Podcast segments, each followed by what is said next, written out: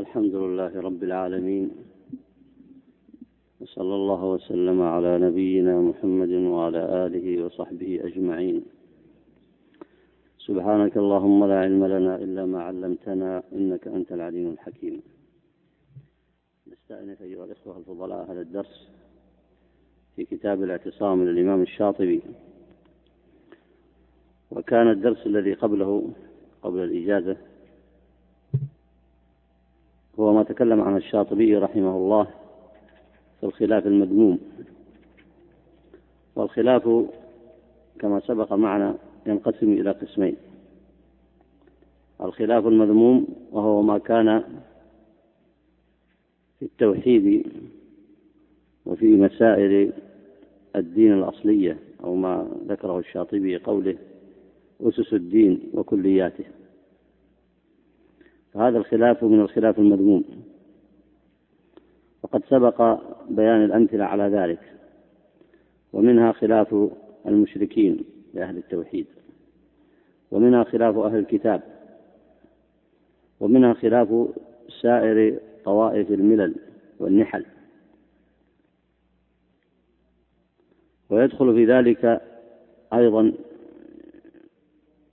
خلاف المذاهب التي ينشئها البشر.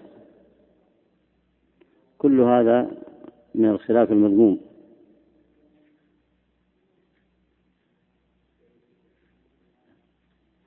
كل هذا من الخلاف المذموم الذي ذمه الله عز وجل في كتابه وحذر البشر وحذر عباده منه. ومن ذلك قول الله تعالى إن الذين فرقوا دينهم وكانوا شيعا لست منهم في شيء.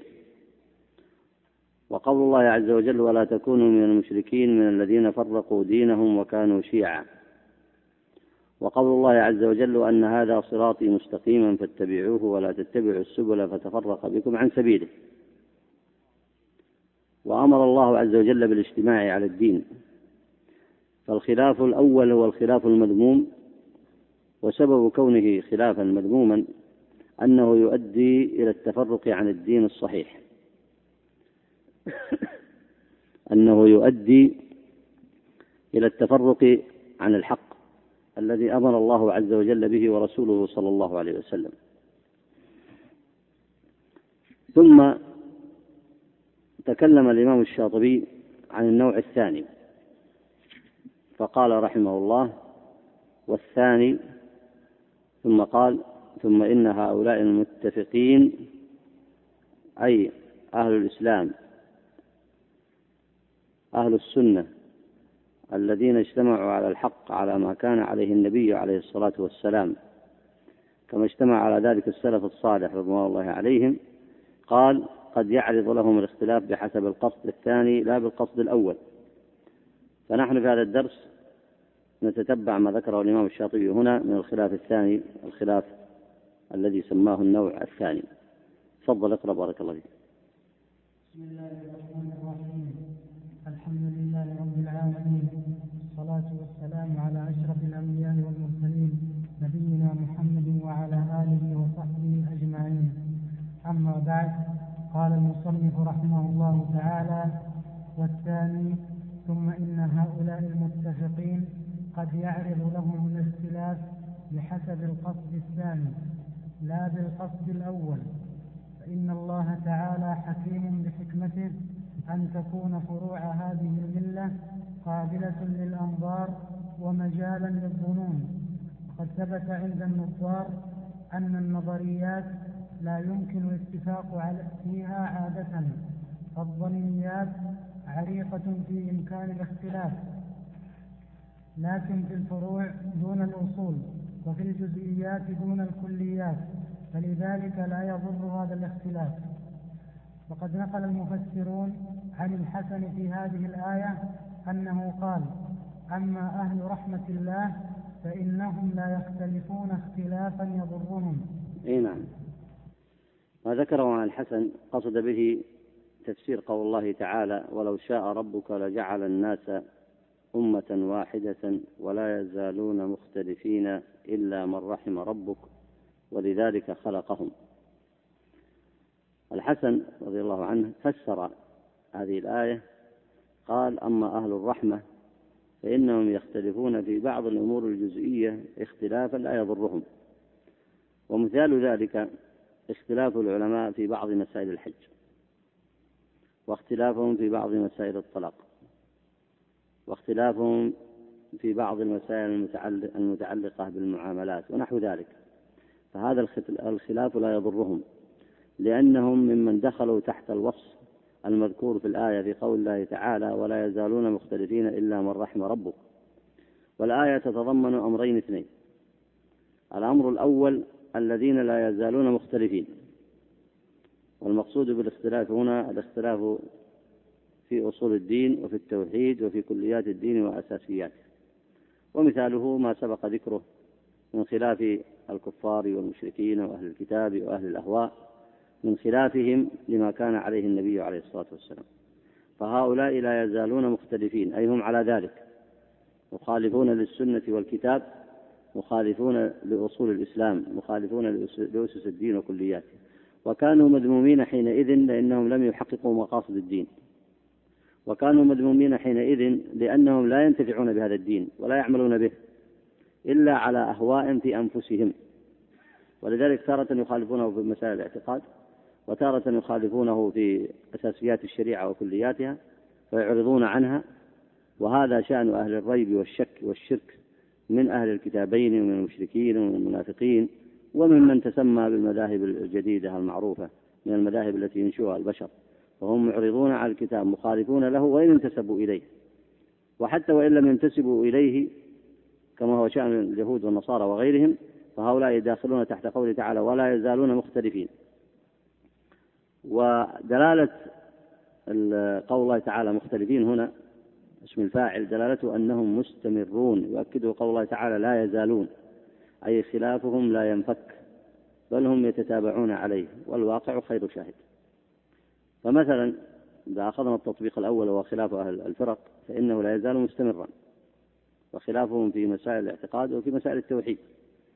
وكذلك مثلا خلاف أهل الكتابين للمسلمين لا يزال مستمرا وكذلك خلاف المشركين وكذلك خلاف المنافقين المعرضين عن شرائع الإسلام. وإن تسموا بأسماء المعاصرة مثل العلمانيين وغيرهم فهؤلاء على مذاهب يخالفون فيها أسس الدين وأصوله. يخالفون فيها أسس الدين وأصوله. ومثل ذلك المذاهب التي أنشأها البشر وانتسب إليها كثير من أبناء المسلمين. هذه المذاهب يحق عليها قول الله تعالى ولا يزالون مختلفين. هم مختلفون فيما بينهم. مخالفون للكتاب مخالفون لشريعة الإسلام. فلا يزالون مختلفين. وخلافهم أدى بهم إلى مخالفة مقاصد الشريعة والإعراض عنها. فهم أهل الذنب داخلون تحت النوع الأول من الخلاف الذي سماه الشاطبي هنا ذكره وبين أنه من الخلاف المذموم. الجزء الثاني في الآية المستثنى في قول الله تعالى إلا من رحم ربك. إلا من رحم ربك. فإذا في الآية نوعان من البشر. النوع الأول المختلفون الذين لا يزالون كذلك. النوع الثاني المرحومين. النوع الثاني المرحومين. الأول من أين أخذناه؟ من قول الله تعالى ولا يزالون مختلفين. والثاني من الاستثناء إلا من رحم ربك.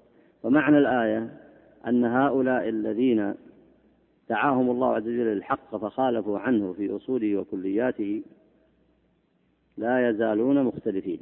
فذمهم الله على ذلك. ثم استثنى منهم من رحم سبحانه وتعالى. وهم الذين اجتمعوا على كتاب الله وسنة نبيه محمد صلى الله عليه وسلم.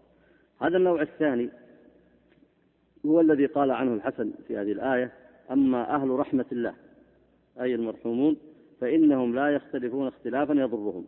لماذا قال لا يختلفون اختلافا يضرهم؟ لأنه يقع منهم الاختلاف في الأمور الجزئية كما سبق اختلفوا في بعض مسائل. الحج. اختلفوا في بعض مسائل الطلاق اختلفوا في بعض مسائل آه، النذور ونحو ذلك. لكن هذا الاختلاف لا يضرهم هذا الاختلاف لا يضرهم. فهو اختلاف في الأمور الجزئية دون الأمور الكلية. ولذلك قال المصنف هنا وهو اختلاف في بعض مسائل الفروع في الجزئيات دون الكليات. فهذا لا يضرهم. السؤال هنا لماذا لم يضرهم هذا الاختلاف؟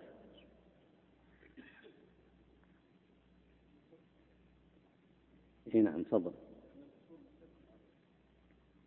لأنهم اتفقوا على أصول الدين وأسسه, وأسسه وكلياته ومسائل التوحيد. وعملوا بذلك واجتمعوا عليه. إذا عملوا بذلك واجتمعوا عليه يتحقق لهم مقاصد الدين أم لا؟ وتتحقق لهم عبادة الله أم لا؟ وعلى بينة من أمرهم؟ ويعبدون الله العبادة الصحيحة ويطبقون شريعته. فلا يضرهم حينئذ الاختلاف في بعض مسائل الاجتهاد السائر وأما من قال الله عز وجل ولا يزالون عنهم ما قال, ما قال الله عز وجل عنهم ولا يزالون مختلفين اختلافهم يضرهم لأن اختلافهم في مسائل الإيمان اختلافهم في مسائل الاعتقاد اختلافهم في مسائل كليات الدين وأساسياته فلم ينتفعوا بدين الله عز وجل ولم يستقيموا عليه ولم يعملوا بالاعتقاد الصحيح ولم يتقوا الله عز وجل بطاعته بتوحيده وعبادته فحينئذ ضرهم ذلك الاختلاف. ضرهم ذلك الاختلاف. فهذا الفرق بين هذين النوعين. وإن سمي الأول خلافا والثاني خلاف لكنه فرق فرق ما بينهما أن الأولون مخالفون لأسس الدين وكلياته وتوحيد الله وطاعته وعبادته مخالفون في مسائل أصلية فهم حينئذ مذمومون ولم ينتفعوا بهذا الدين. وأما المرحومون فإنهم أقاموا توحيد الله عز وجل واتقوا الله في طاعته وعبادته واجتمعوا على شريعته واستقاموا على أصول أهل السنة وعبدوا الله حق عبادته فاختلفوا في بعض المسائل الجزئية وذلك أمر لا يضرهم. ولذلك قال الحسن وغيره من أهل العلم قال اختلفوا اختلافا لا يضرهم.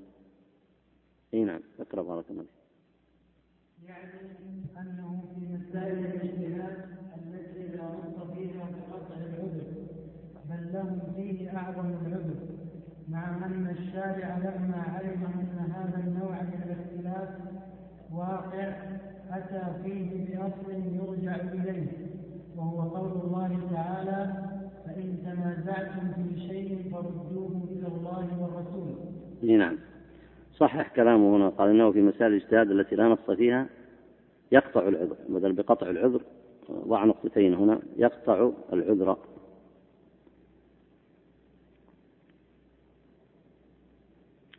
والتي قبلها في قوله والثاني قال فإن الله تعالى حكم بحكمته بدل حكيم حكم بحكمته. فإن الله تعالى حكم بحكمته. في قوله والثاني ثم إن هؤلاء المتفقين قد يعرض لهم الاختلاف بحسب القصد الثاني لا بالقصد الأول فإن الله تعالى حكم بحكمته أن تكون فروع هذه الملة. إيه نعم. هنا مسائل الاجتهاد التي لا نص فيها يقطع العذر. العلماء جعلوا نوعا مما يسوق فيه الاجتهاد فسموه مسائل الاجتهاد السائغة. مسائل الاجتهاد السائغ وأمثلة هذا كثيرة. مثل اختلافهم في بعض مسائل الجزئية في الحج. يتفقون على الأصول الكلية في الحج. يتفقون على ما يتعلق بأركان الحج. الوقوف بعرفة.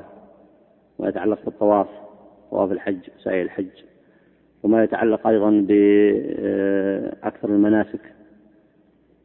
فيختلفون في بعض المسائل. يختلفون مثلا يتفقون على وجوب المبيت في المزدلفة. ثم يختلفون في آخر الوقت. والقدر الواجب للمبيت. يتفقون على وجوب المبيت بمنى ثم يختلفون في القدر الواجب. فتجد أصل الحج وأسسه ومقاصده قد اتفقوا عليه.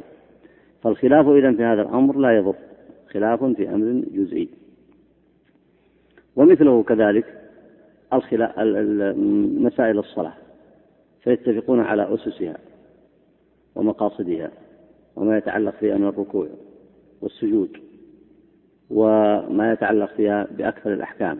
ووجوب الخشوع فيها والإنابة إلى الله عز وجل وما يتعلق فيها كما أسلفت بالركوع والسجود والجلوس بين السجدتين كما ورد في حديث المسيء صلاته وهكذا فيما يتعلق بأسس الصلاة وإن اختلفوا في بعض المسائل في وضع اليدين بعد الركوع أين توضع؟ توضع مثلا على آه، على الصدر مثلا أو أنه يسدلها بعد الركوع أو نحو ذلك. فإن مثل هذا الخلاف يسميه العلماء خلاف في أمر جزئي. وكذلك فيما يتعلق ببعض مسائل المعاملات أو في بعض مسائل آه، النكاح. لكن تجد في أصل الباب وفي في أسس الباب هناك أصول مشتركة متفقة متفق عليها تحقق المقصد من تلك الشريعة. وتحقق المقصد من من تلك الشعيرة. فإنهم اختلفوا في بعض مسائل الحج الجزئية لكن اتفقوا على أسسها وكلياتها واتفقوا على مقاصدها. وبذلك يتحقق المقصد من هذه الشعيرة العظيمة وهي الحج. وإن اختلفوا في بعض جزئياتها وكذلك شريعة النكاح أو ما يتعلق بشريعة البيوع أو ما يتعلق بمسائل أخرى من حيث مقاصدها وأسسها اتفقوا على ذلك. ومن هنا تتحقق المقاصد الأصلية وإن اختلفوا في بعض جزئياتها. ولا تجد بابا من أبواب الفقه إلا هو كذلك. طالب العلم إذا تأمل لا يجد بابا من أبواب الفقه إلا وهو كذلك. فتجد أصل الباب وأساس الباب من المسائل الفقهية سواء في المعاملات أو في العبادات هذه الأصول مشتركة تؤدي إلى مقاصد واحدة وتحقق المقصد الشرعي منها أسسها وكلياتها ثابتة بينة واتفق العلماء فيها وإن اختلفوا في بعض ما يتعلق بها من الجزئيات. ثم إن هذا الخلاف الذي وقع العذر فيه أيضا جاء التخفيف منه بقول الله تعالى فإن تنازعتم في شيء فردوه إلى الله والرسول. يعني يختلف أهل العلم في بعض المسائل الجزئية فيجتهدون فيسمى اجتهادهم اجتهادا سائغا. الأمر الثاني أنهم يجب عليهم أن يردوا الخلاف في هذه المسائل إلى كتاب الله وسنة نبيه صلى الله عليه وسلم فيخففون من هذا الاختلاف في هذا الأمر الجزئي. أي نعم. وكل اختلاف من هذا القبيل حكم الله فيه أن يرد إلى الله وذلك رده إلى كتابه وإلى رسول الله صلى الله عليه وسلم وذلك رده إليه إذا كان حيا وإلى سنته بعد موته. وكذلك فعل العلماء رضي الله عنهم. إلا أن لقائلهم يقول هل هم داخلون تحت قوله تعالى ولا يزالون مختلفين أم لا؟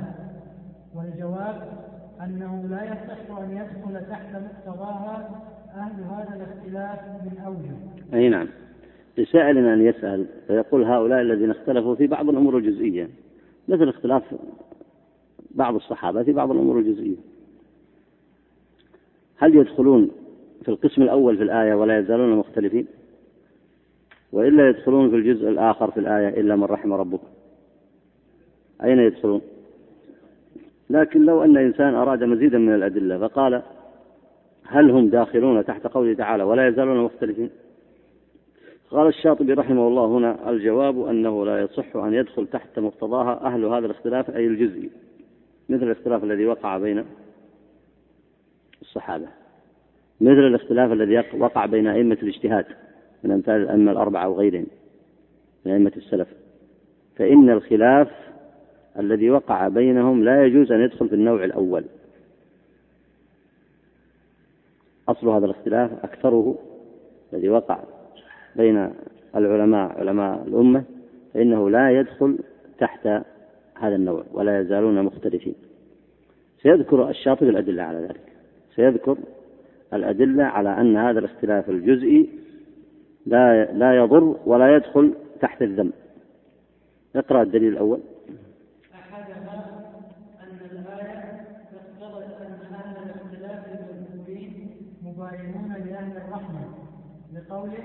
ولا يزالون مختلفين إلا من رحم ربه. هذا أصل هذه المسألة.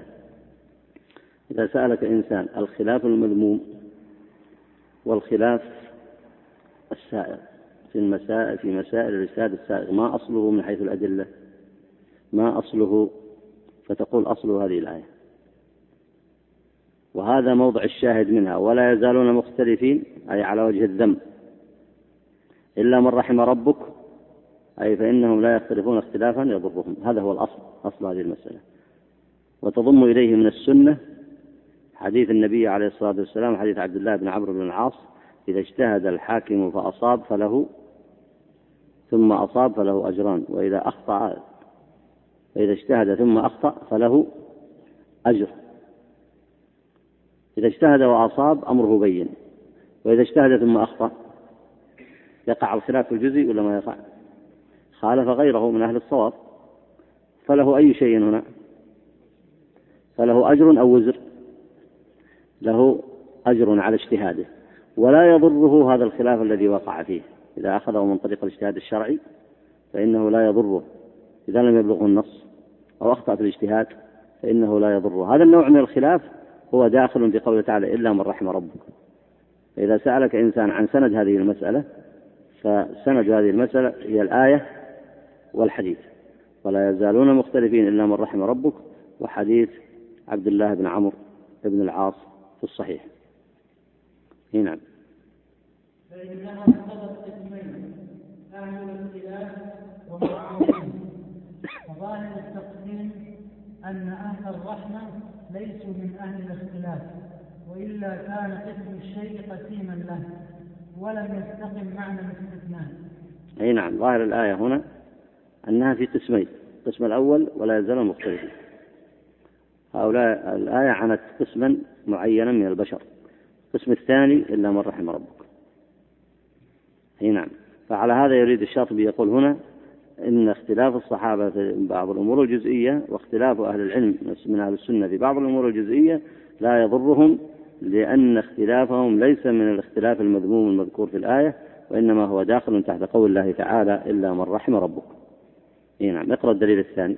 والثاني أنه قال فيها ولا يزالون مختلفين فظاهر هذا أن وصف الاختلاف لازم لهم حتى أطلق عليهم لفظ اسم لفظ لفظ اسم الفاعل. لفظة. حتى أطلق عليهم لفظ اسم الفاعل المشعر بالثبوت وأهل الرحمة مبرؤون من ذلك لأن وصف الرحمة ينافي الثبوت على المخالفة. بل إن خالف أحدهم في مسألة فإنما يخالف فيها تحريا لقصد الشارع فيها حتى إذا تبين له الخطأ فيها راجع نفسه وتلافى أمره فخلافه في المسألة بالعرض, بالعرض لا بالقصد الأول. فلم يكن وصف الاختلاف لازما ولا ثابتا فكان التعبير عنه بالفعل الذي يقتضي العلاج والانقطاع أليق في الموضع. اي نعم. الآن الشاطبي سيستدل من قول الله تعالى ولا يزالون مختلفين أن هذه الآية تدل على أنه لا يدخل فيها الخلاف الجزئي لماذا؟ قال لأن العالم إذا خالف في مسألة جزئية فإنه يناقش بالدليل ويقع الخلاف بين أهل العلم ويناقش بعضهم بعضا ويسأل العالم عن الدليل في ذلك يسأل العالم عن الدليل فقد يرجع إلى الصواب. طبعا أمثلة هذا كثيرة. مثل لما ناقش عمر بن الخطاب رضي الله عنه أبا بكر في حرب في حرب الردة. فإن عمر رضي الله عنه لم يكن يرى قتالهم.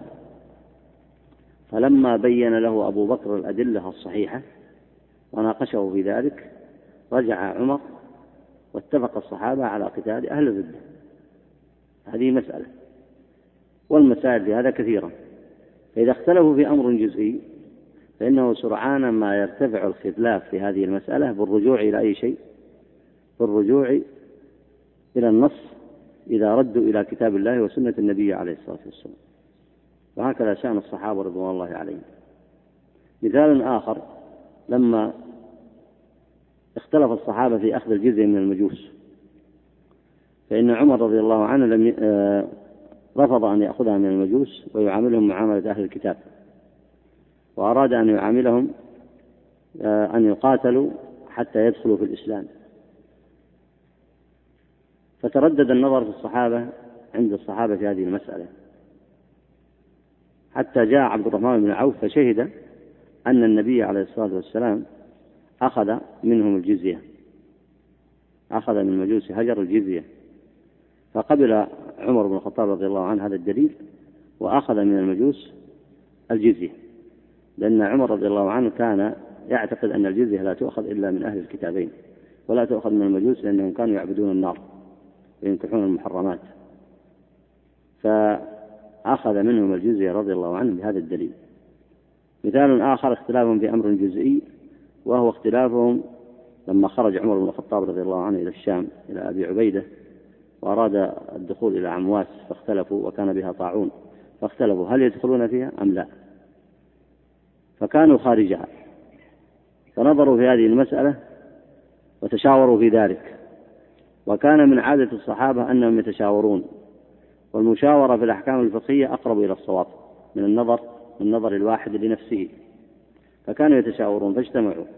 فطلب عمر ما عندهم من العلم فلم يجد شيئا. ثم أخذوا بالنظر العام في المسألة ليس عندهم نص يفتيهم في هذه المسألة من النبي عليه الصلاة والسلام. فمنهم من قال ندخل إلى الطاعون ولا يضرنا إلا ما قدر الله لنا. ومنهم من قال لا ندخل إلى هذه الأرض التي بها هذا الوباء وإنما نفر من قدر الله إلى قدر الله. فلما طال بهم المجلس والمشاورة لم يصلوا إلى شيء.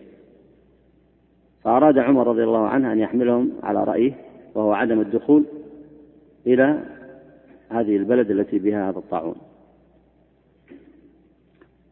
فلما حملهم على ذلك جاء عبد الرحمن بن عوف رضي الله عنه فشهد أمام المسلمين وأمام علماء المسلمين وقادتهم أن النبي عليه الصلاة والسلام قال إذا كان الطاعون بأرض قوم فلا تدخلوا فيها ومن كان فيها فلا يخرج منها. أنه وباء قاتل وباء قاتل. فالذي فيها لا يخرج حتى لا ينقل الوباء. والذي فيها لا يدخل. فحمد الله عمر بن الخطاب لما بلغته هذه السنة فرجع هو ومن معه. فالمقصود هنا كما قال الشاطبي فإذا تحروا لقصد الشارع وتحروا النظر في المسألة فإنهم حينئذ يرجعون إلى الصواب فيها. واختلافهم الأول إنما سببه عدم العلم بالدليل وإنهم وإلا فإنهم لا يقصدون إلى الخلاف ولذلك قال هنا فخلافهم في المسألة بالعرض لا بالقصد الأول يعني هم لا يختلفون لمجرد الخلاف وإنما اختلفوا لغياب الدليل عنهم بخلاف أصحاب النوع الأول كما سيأتي معنا الذين أنشأوا المذاهب الفكرية المعاصرة الذين هم أصلا مخالفون للشرع يقصدون مخالفتها يقصدون مخالفة الحق وأهله. وأهل الأهواء أيضا يقصدون مخالفة السنة ومخالفة أصحاب النبي عليه الصلاة والسلام فخلافهم بالقصد الأول. أما هؤلاء فخلافهم يختلف عن الأول أنهم في جزئي في أمر جزئي. لذلك الصحابة ما اختلفوا في أصول الاعتقاد ولا في كليات الشريعة ولا في أسسها. الأمر الثاني أن اختلافهم هنا كما قال المصنف لعدم وجود الدليل في المسألة فإذا بلغهم الدليل ارتفع الخلاف في المسألة. وعلى هذا فالخلاف هنا يعتبر لازما ثابتا لهم ولا غير لازم؟ غير لازم. فتبين هذه الأوصاف. الوصف الأول أن خلافهم في جزء واحد. الوصف الثاني أنه ليس بالقصد الأول إنما يختلفون لغياب الدليل.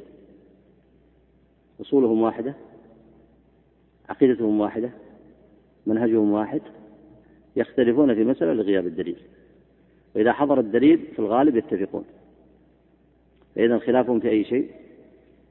ليس بالقصد الأول. الأمر الثالث أن خلافهم ليس بثابت ولا بلازم.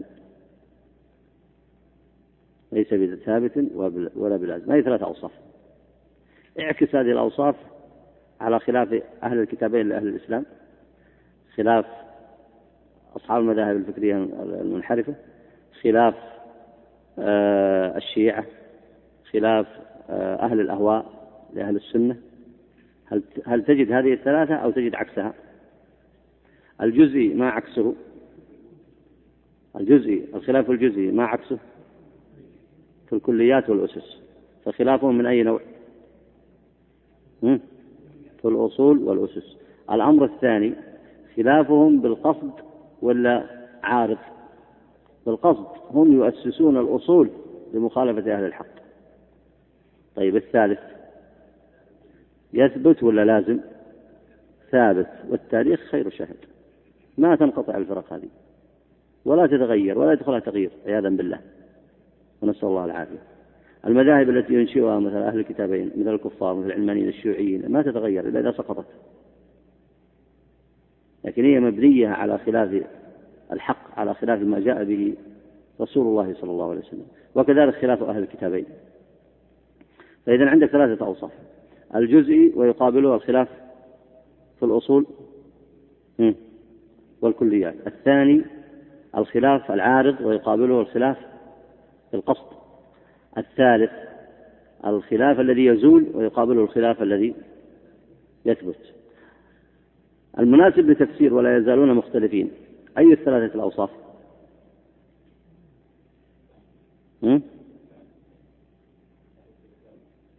الذي يناسب ولا يزالون مختلفين. أولا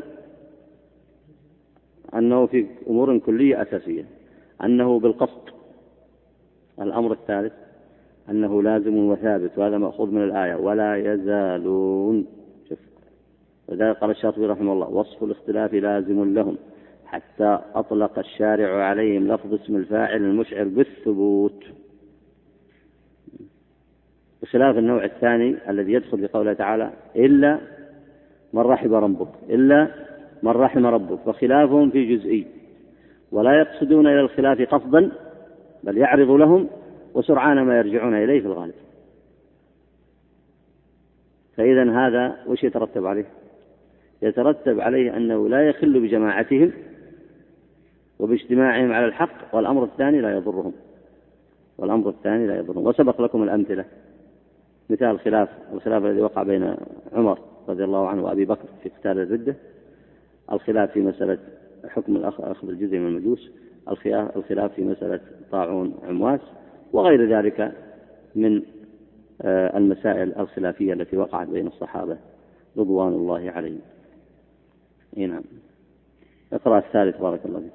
والثالث أن نقطع بأن الخلاف في مسائل الاجتهاد واقع من حصل له محض الرحمة وهم الصحابة ومن اتبعهم بإحسان رضي الله عنهم بحيث لا يصح إدخالهم في قسم المختلفين بوجه. فلو كان المخالف منهم في بعض المسائل معدودا من أهل الاختلاف ولو بوجه ما لم يصح إطلاق القول في حقه إنه من أهل الرحمة. وذلك باطل بإجماع أهل السنة. خلاصة هذا الدليل أن أهل السنة يقطعون بأن الصحابة من أهل الرحمة.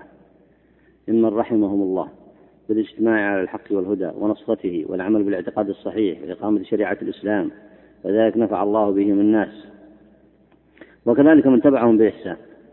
هذه المقدمة مقطوع بها أنهم من أهل الرحمة. المقدمة الثانية أنهم اختلفوا في بعض المسائل الجزئية. النتيجة ما هي؟ أن الاختلاف في المسائل الجزئية لا يرفع وصف الرحمة. لو رفع وصف الرحمة لرفع وصف الرحمة عنهم وهذا باطل لم يقل به أحد من أهل العلم. واضح الدليل هذا؟ أي نعم. اقرأ الرابع. والرابع أن جماعة من السلف الصالح جعلوا اختلاف الأمة في الفروع ضربا من ضروب الرحمة. إذا كان من جملة الرحمة فلا يمكن أن يكون صاحبه خارجا من قسم أهل الرحمة. وبيان وبيان كون الاختلاف المذكور رحمة ما روي عن القاسم بن محمد. قال لقد نفع الله باختلاف أصحاب رسول الله صلى الله عليه وسلم في العمل. لا يعمل العامل بعلم رجل منه إلا رأى أنه في سعة إي نعم ولذلك أصحاب النبي عليه الصلاة والسلام آه، تفرقوا في البلاد مع الفتوحات. فكان في مكة أصحاب عبد الله بن عباس وكان في الكوفة أصحاب عبد الله بن مسعود. وهكذا انتشر الصحابة في البلاد وكان أكثر المفتين منهم كعبد الله بن عمر وغيرهم من فقهاء الصحابة وزيد بن ثابت كانوا بالمدينة. فتفرق هؤلاء في البلاد بما معهم من العلم.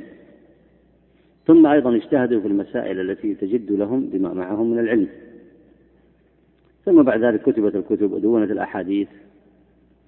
فوقع الخلاف في بعض المسائل الجزئية إما لغياب الدليل هذا الدليل يحفظه فلان ولا يحفظه فلان بلغ العالم الفلاني ولم يبلغ العالم الفلاني حتى لو كان من الصحابة رضوان الله عليهم. وكذلك الاختلاف في دلالته في بعض الأحيان.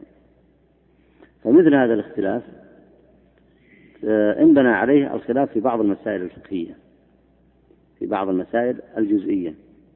المطلوب من المسلمين أنهم وعلماء المسلمين أنهم يبحثون عن الراجح. وقد يختلف اثنان لمعرفة ما هو الراجح في هذه المسألة. فإذا توصلوا إلى معرفة الراجح عملوا به. وإن لم يتوصلوا إلى معرفة الراجح فإن من عبادة الله وتقواه أن يبحثوا عن الدليل. وبحثهم عن الدليل عبادة يحبها الله والمدارسة ومدارسة العلم بالتي هي أحسن عبادة يحبها الله.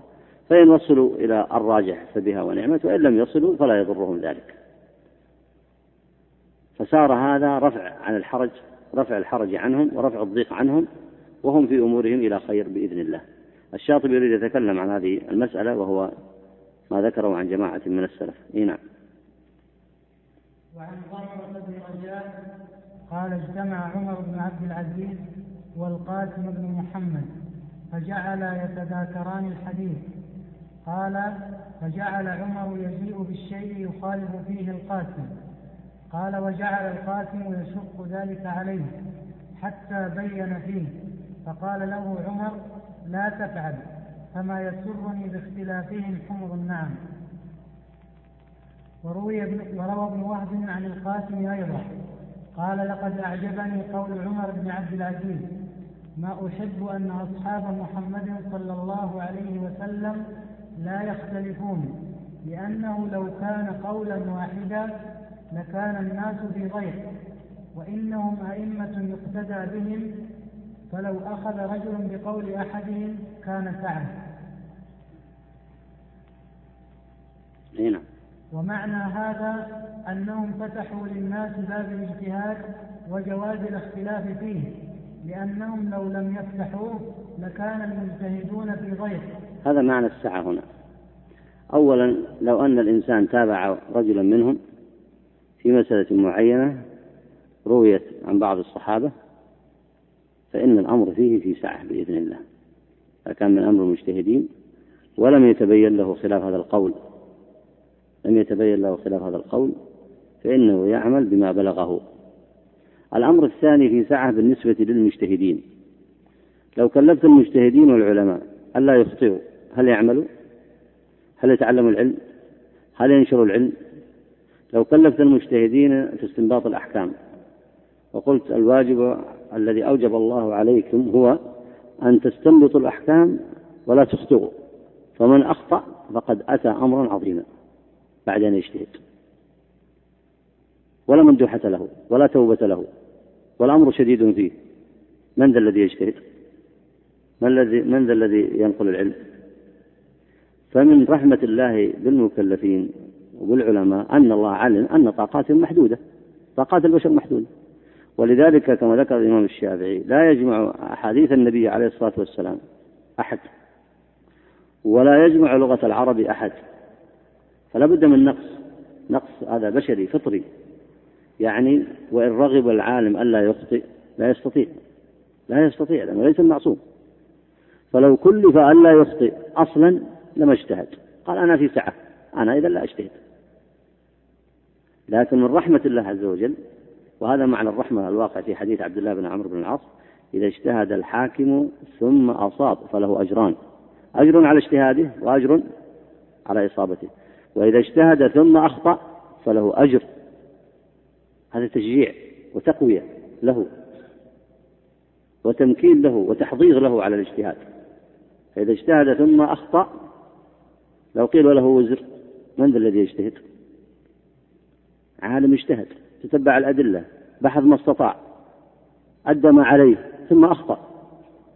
فإنه تحت لطف الله ورحمته وسع الله عليه. بل رزقه الله أجرا. على أي شيء؟ على اجتهاده. وهو عالم متأدب بأدب الشريعة. حينما يخطئ ويأخذ الأجر على الاجتهاد يبحث عن الأجر الذي بقي على إيش؟ على الصواب. فلما يسمع بحديث النبي صلى الله عليه وسلم يسمع بسنة ماضية يسمع يرجع ولا ما يرجع؟ يرجع ليحصل الأجر الباقي على الصواب. فهو إذن في رحمة وفي سعة لو أن أصحاب النبي صلى الله عليه وسلم لم يختلفوا في بعض المسائل فجاء العلماء الذين بعدهم فاختلفوا شنع الناس عليهم ولا ما يشنعون عليهم؟ قالوا لما لا تكونوا مثل أصحاب النبي صلى الله عليه وسلم؟ انظروا لم يختلفوا في مسألة واحدة. إذا أنتم مباينون مخالفون أنتم فيكم فيكم فيكم عيب فيكم سبب هو الذي حملكم على ذلك. لكن إذا اختلف الشافعي وأحمد في مسألة فقد سبق اختلف عمر وأبو بكر في مسألة. وإذا اختلف مالك والشافعي في مسألة فقد اختلف عبد الله بن عمر وابن عباس في مسألة. فهذا لا شك أنه من السعة والرحمة ثم إن الخلاف الجزئي يتحرك لا يثبت لا يثبت. العالم يخالف في مسألة جزئية ثم يبان له الحديث ماذا يصنع؟ انظر الآن اجتماع الصحابة في مسألة الجزية وفي غيرها قبل الاتفاق كان في حركة ولا كان في اختلاف؟ تحرك الجزية اختلفوا عليه. ثم بعد ذلك ثبت الصواب. فإذا أمره إلى خير. الخلاف الجزئي أمره إلى سعة. ولذلك وردت ورد فيه كلام السلف ووصفوه بأنه سعة.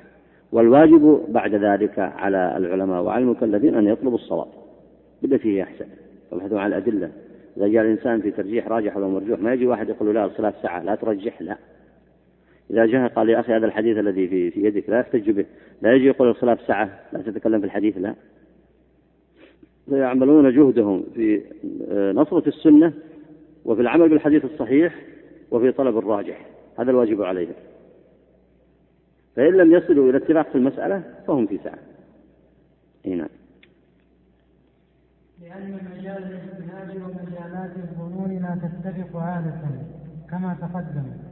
فيصير أهل الاجتهاد مع تكليفهم باتباع ما غلب على ظنونهم مكلفين باتباع خلافه وهو نوع من تكليف ما لا يطاق. وذلك من أعظم الضيف ووسع الله على الأمة بوجود الخلاف الفروعي فيهم. فكان فتح باب للأمة للدخول في هذه الرحمة. فكيف لا يدخلون في قسم من رحم ربك؟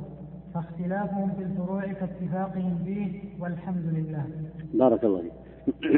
قوله هنا الاختلاف الفروعي الاختلاف في بعض الفروع وليس طبعا الاختلاف اختلاف محدود. الاختلاف في بعض الفروع الاختلاف في بعض الأمور الجزئية. آه، نكتفي بهذا المقدار ونسأل الله عز وجل أن يوفقنا وإياكم العلم النافع والعمل الصالح. والأسبوع القادم ننتقل إلى النوع الثالث. نعم إيش؟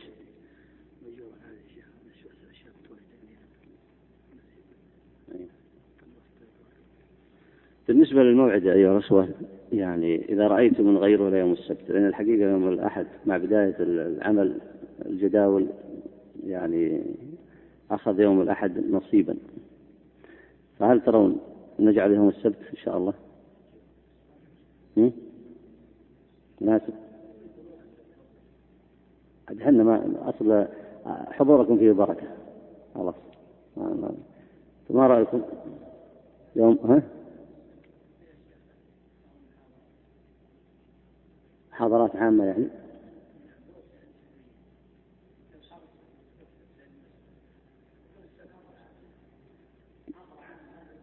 إيه. تحضرونها أنتم؟ لكم رغبة تحضرونها؟ إيه. مرة واحدة في الشهر طيب إحنا نجرب معكم يوم السبت على أي حال إيش رأيكم السبت مساء طيب؟ هم؟ يعني مثل البارح الأسبوع القادم إن شاء الله السبت مساء. إيه.